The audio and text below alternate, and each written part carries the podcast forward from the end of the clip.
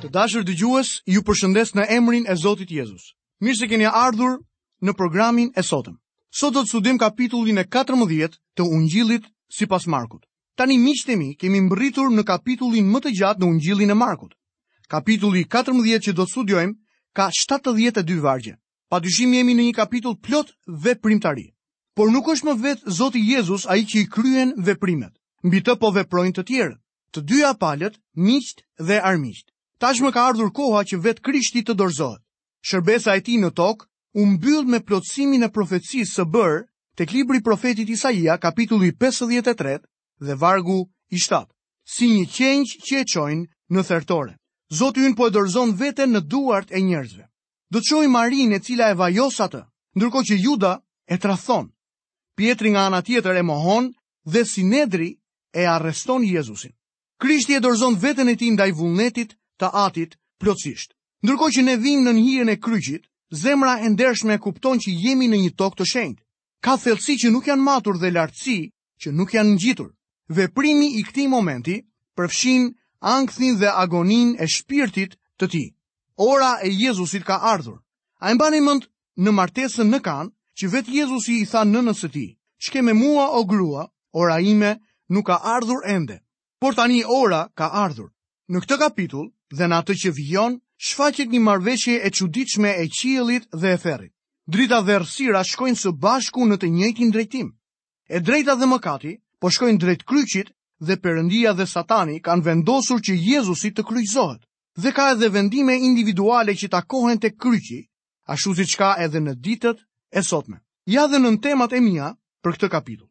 Nga vargu i parë dhe i dytë, do të shohim krerët e priftërinjve dhe skribët të cilët thurin plane për të vrarë Jezusin. Nga vargjet 3 deri në vargun e nëntë, do të shohim Marien nga Betania, e cila derdh vaj të parfumuar mbi kokën e Jezusit. Nga vargjet 10 dhe 11, do të shohim Judën tradhtarin, i cili planifikon të tradhtojë Jezu Krishtin. Nga vargjet 12 deri 25 do të shohim Jezusin i cili përgatitet për Pashkën e fundit dhe darkën e parë të Zotit. Nga vargjet 26 deri në vargun e 31 do të shohim Pjetrin i cili garanton besnikërinë e tij. Në vargun 32 deri në vargun e 42 do të shohim Jezusin përgjatë këtyre 10 vargjeve i cili lutet në kopshtin e Getsemanesë, nga vargjet 43 deri 52, do të shohim arrestimin e Jezusit. Nga vargu 53 deri 65, do të shohim Jezusin në gjyq përpara Sinedrit. Dhe nga vargu i 66 deri në vargun e 72, Do të shohim Pjetrin, i cili mohon se e njeh Jezusin. Le të lexojmë vargun e parë të kapitullit të 14 në studimin tonë. Tani dy ditë më vonë ishte Pashka dhe festa e të ndormëve. Dhe krerët e priftërinjve dhe skribët kërkonin mënyrën se si ta kapnin Jezusin me mashtrim dhe ta vrisnin. Por thonin, jo gjatë festës, që të mos ndodhë ndonjë trazirë nga populli. Pashka kryhej ditën e katërmbëdhjetë të muajit të parë, i cili është muaji hebre Nisan, dhe i korrespondon prillit tonë, muajin e parë, ditën e katërmbëdhjetë të muajit, midis dy mbrëmjeve, bien Pashkët e Zotit. Dhe këtë shkrim e gjejmë tek libri i Levitikut kapitulli 23 dhe vargu i 5. Ditën e 15 të të njëjtit muaj ishte festa e bukëve të të ndormëve që vazhdon për 7 ditë me radhë.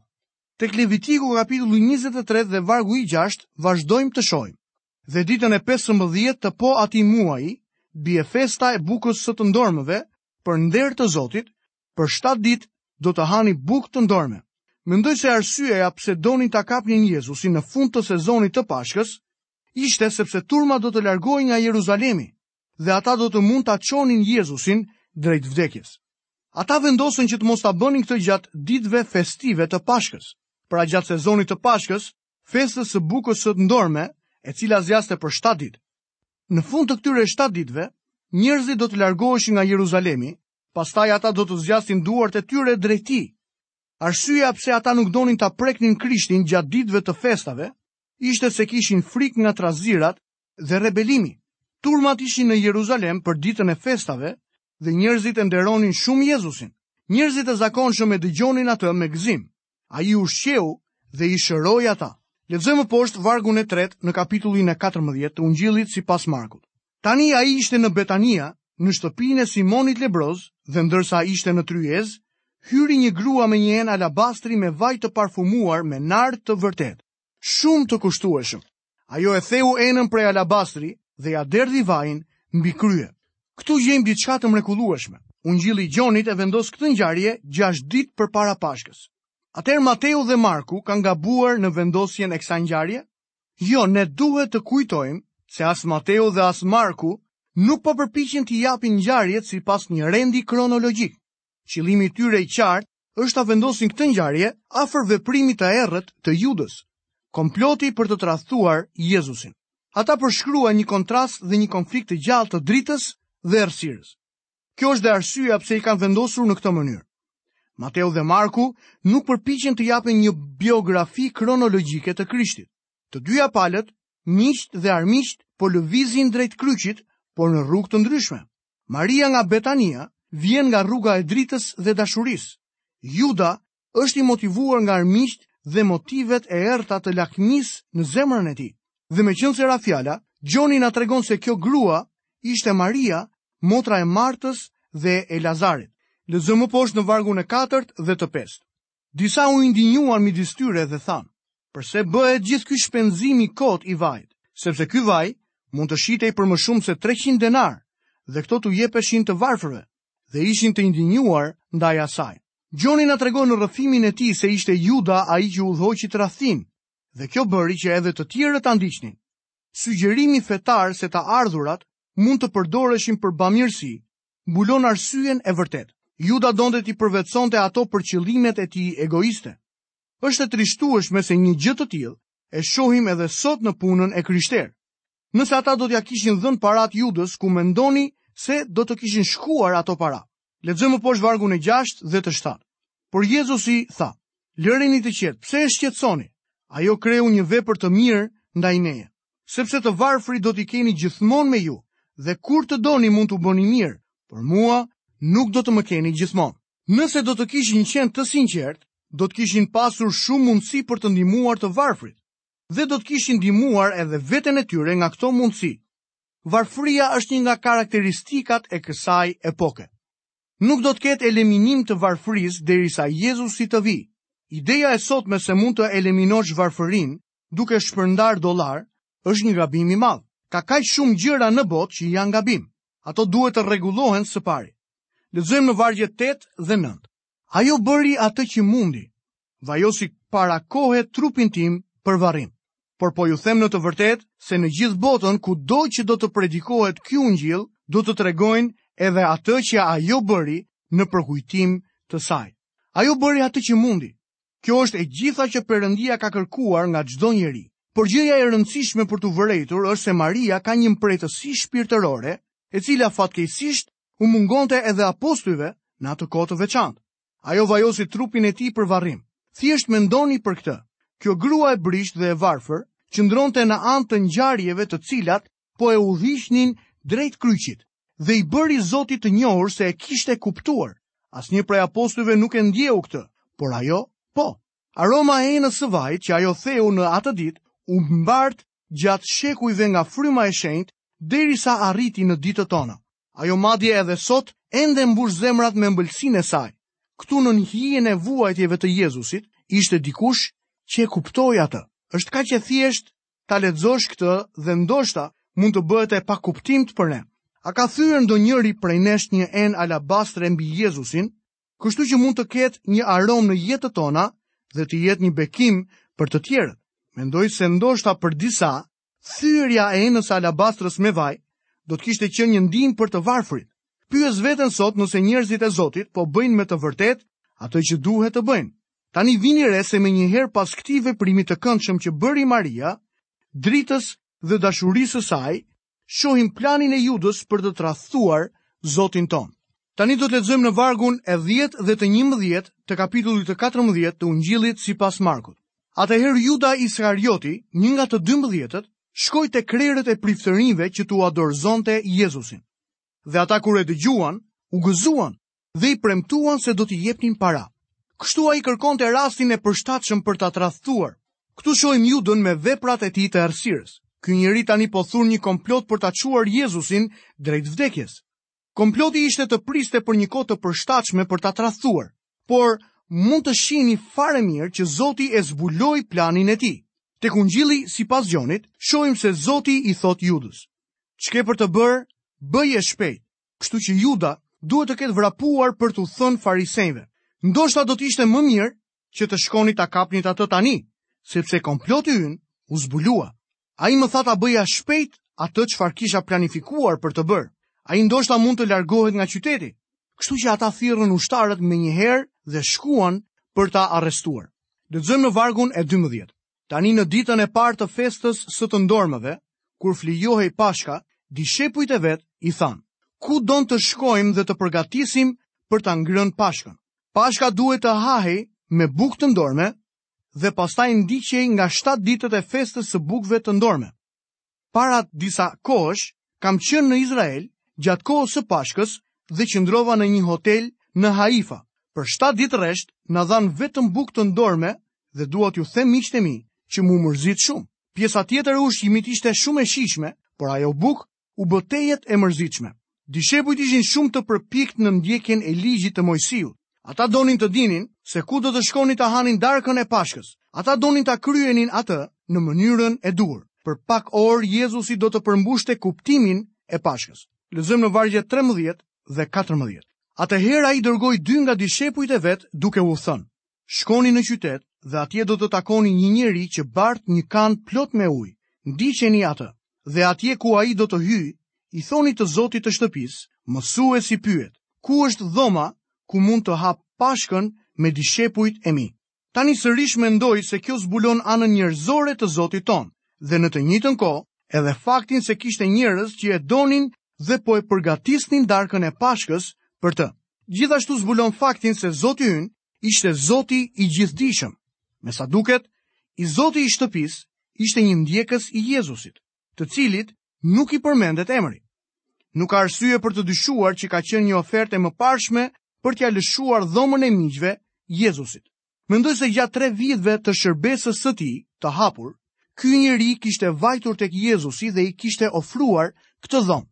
Mendoj se ndoshta i ka thënë Jezusit, Kur të vish për Pashkë në Jeruzalem, do të lë në dispozicion një dhomë dhe ajo do të jetë e përgatitur vetëm për ty.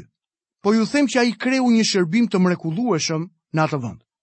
Ka shumë gjëra që ne mund të bëjmë për Jezusin dhe kështu veproi edhe ky njeri.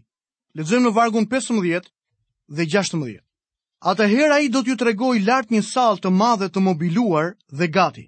Aty përgatitni për ne. Dishepujt e tij shkuan, arritën në qytet dhe gjetën ashtu siç ai u kishte thënë dhe përgatitën Pashkën. Vini re se Jezusi e festoi Pashkën në një dhomë të dhënë hua. Me sa duket dhoma ka qenë gati për Jezusin. Kështu që mendoj që duhet të ketë qenë një zotim i mëparshëm. Nuk mendoj se i zoti i shtëpisë në këtë rast do të ishte turpëruar pse nuk ndodhej atje për të larë këmbët e dishepujve. Duhet të ishte një darkë pashke private. Zoti tha, tek Marku kapitulli 14 dhe vargu i 14. Unë do ta ha darkën e pashkës me dishepujt e mi. Kjo ishte diçka private dhe i zoti i shtëpisë nuk duhet të ndërhynte. Mund t'ju kujtohet ndoshta se një eksperiencë të ngjashme e vumë re edhe më parë. kur Jezusi dërgoi dishepujt për të marrë gomarin me të cilin do të hynte në Jeruzalem. Ata e gjetën atë ekzaktësisht siç u tha Jezusi. Mendoj se ka qenë rregulluar që më parë çështja në lidhje me gomarin e vogël. Mendoj se Zoti ynë bënte përgatitje, ndërkohë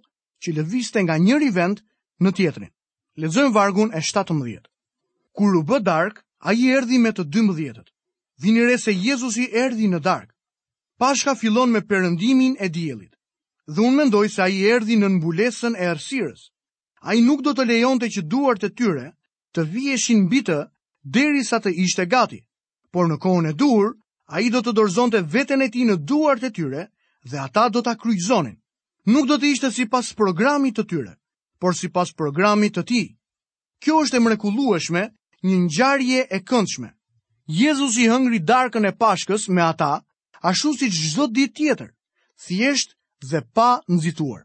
Sot ne e kemi bërë marrjen e darkës së Zotit të dielën në mëngjes njësoj si një shërbim zyrtar. Por nëse e vëzhgoni me vëmendje, do të zbuloni se Jezusi e hëngri darkën e Pashkës me ta. Dhe vakti tjetër që hëngri ishte mëngjesi në bregun e detit të Galilesë pas ringjalljes së tij. Mendoj që kjo kohë ishte një kohë e mrekullueshme miqësie. Personalisht nuk i kritikoj drekat e kishës. Mendoj se ato mund t'i shërbejnë një qëllimi të mrekullueshëm, por drekat që mund të kemi sot në kishë nuk janë ashtu siç duhet të jenë. Është e mrekullueshme për njerëzit të takohen dhe të kenë miqësi me personin e Krishtit. Nëse ai nuk është në qendër dhe ne thjesht po kalojmë një kohë të këndshme, edhe pse mund ta quajmë atë miqësi, në të vërtetë e kemi humbur krejt thelbin e gjithë kësaj çështje. Një drekë ose darkë në kishë duhet të jetë një rast për t'u mbledhur rreth personit të Jezu Krishtit. Ky ishte qëllimi i festës së Pashkës. Lexojmë në vargun e 18 dhe të 19. Dhe kur po rrinim në tryezë dhe po hanin, Jezusi tha, ju them në të vërtetë se njëri prej nesh që po ha me mua, do të më tradhtojë. Atëherë ata filluan të trishtohen dhe t'i thoshin njëri-tjetrit, mos jam unë? Dhe një tjetër tha, mos jam unë? Miq, të gjithë ata e dinin se mund të ishin të aftë për ta tradhtuar atë. Nëse ti nuk e ke zbuluar që je totalisht i dobët, jo një person i mirë, por një mëkatar, që je i aftë t'i kthesh shpinën Zotit, në fakt nuk ke zbuluar asgjë. Fatkeqësisht ka njerëz në kishë që nuk e kuptojnë se janë mëkatarë dhe të humbur. Ka edhe njerëz të shpëtuar në kisha të cilët nuk e kuptojnë që janë të aftë t'i kthejnë shpinën Zotit. Të gjithë ne mund të pyesim, mos jam unë? Le të lexojmë vargjet e fundit në studimin e sotëm, lexojmë nga vargjet 20 dhe 21. Dhe ai duke u përgjigjur u tha atyre: Është një nga të 12-të që po ngjyen me mua në çanak. Po, biri i njeriut po shkon ashtu siç është shkruar për të. por mjerë ai njeri me anë të të cilit tradhtohet Biri i njeriut. Do të ishte më mirë për të që ai njeri të mos kishte lindur kurrë. Juda Iskarioti kishte marrë vendimin për ta tradhtuar. Përgjegjësia e Judës ishte e madhe, sepse ai kishte mundësi të ishte me Jezusin për tre vjet. Psalmisti në Psalmin e 41 dhe vargun e 9 ka shkruar: Madje edhe miku im i ngushtë, tek i cili kisha besim dhe që hante bukën time, ka ngritur kundër meje thembrën e tij. Jezusi tregoi Jud Iskariotin dhe mendoj se Juda u largua pikërisht në këtë rrethanë. Zoti Jezus krijoi një festë të re në thëngjijtë e vdekur të të vjetërve, në festën e Pashkës. Ai ngriti një monument të ri, jo një monument prej tunxhi ose mermeri, por një i cili merr disa element që mbarojnë kaq lehtë, bukë dhe verë. Pashka shikonte përpara në ardhjen e tij si qengji i pashkës dhe tani darka e Zotit i referohet pikërisht vdekjes së tij. Buka është trupi i tij që u thye, Kujtoni se asnjë kockë në trupin e tij nuk u thye nga ushtarët romakë. Tani lexojmë në vargjet 22 deri në vargun e 25 të kapitullit të 14 të Ungjillit sipas Markut. Dhe ndërsa ata po hanin, Jezusi mori bukën e bekoi, e theu dhe ua dha atyre duke thënë: Merrni, hani, ky është trupi im. Pastaj mori kupën e falënderimit, ua dha atyre dhe të gjithë pinë prej saj. Atëherë u tha atyre, Ky është gjaku im, gjaku i besëlidhjes së re, që derdhet për shumë veta. Në të vërtetë unë po ju them se nuk do të pi më prej frytit të hardhisë, derisa në atë ditë kur do ta pi të ri në mbretërinë e Perëndisë. Ka disa gjëra këtu që mendoj se janë të rëndësishme dhe mjaft interesante.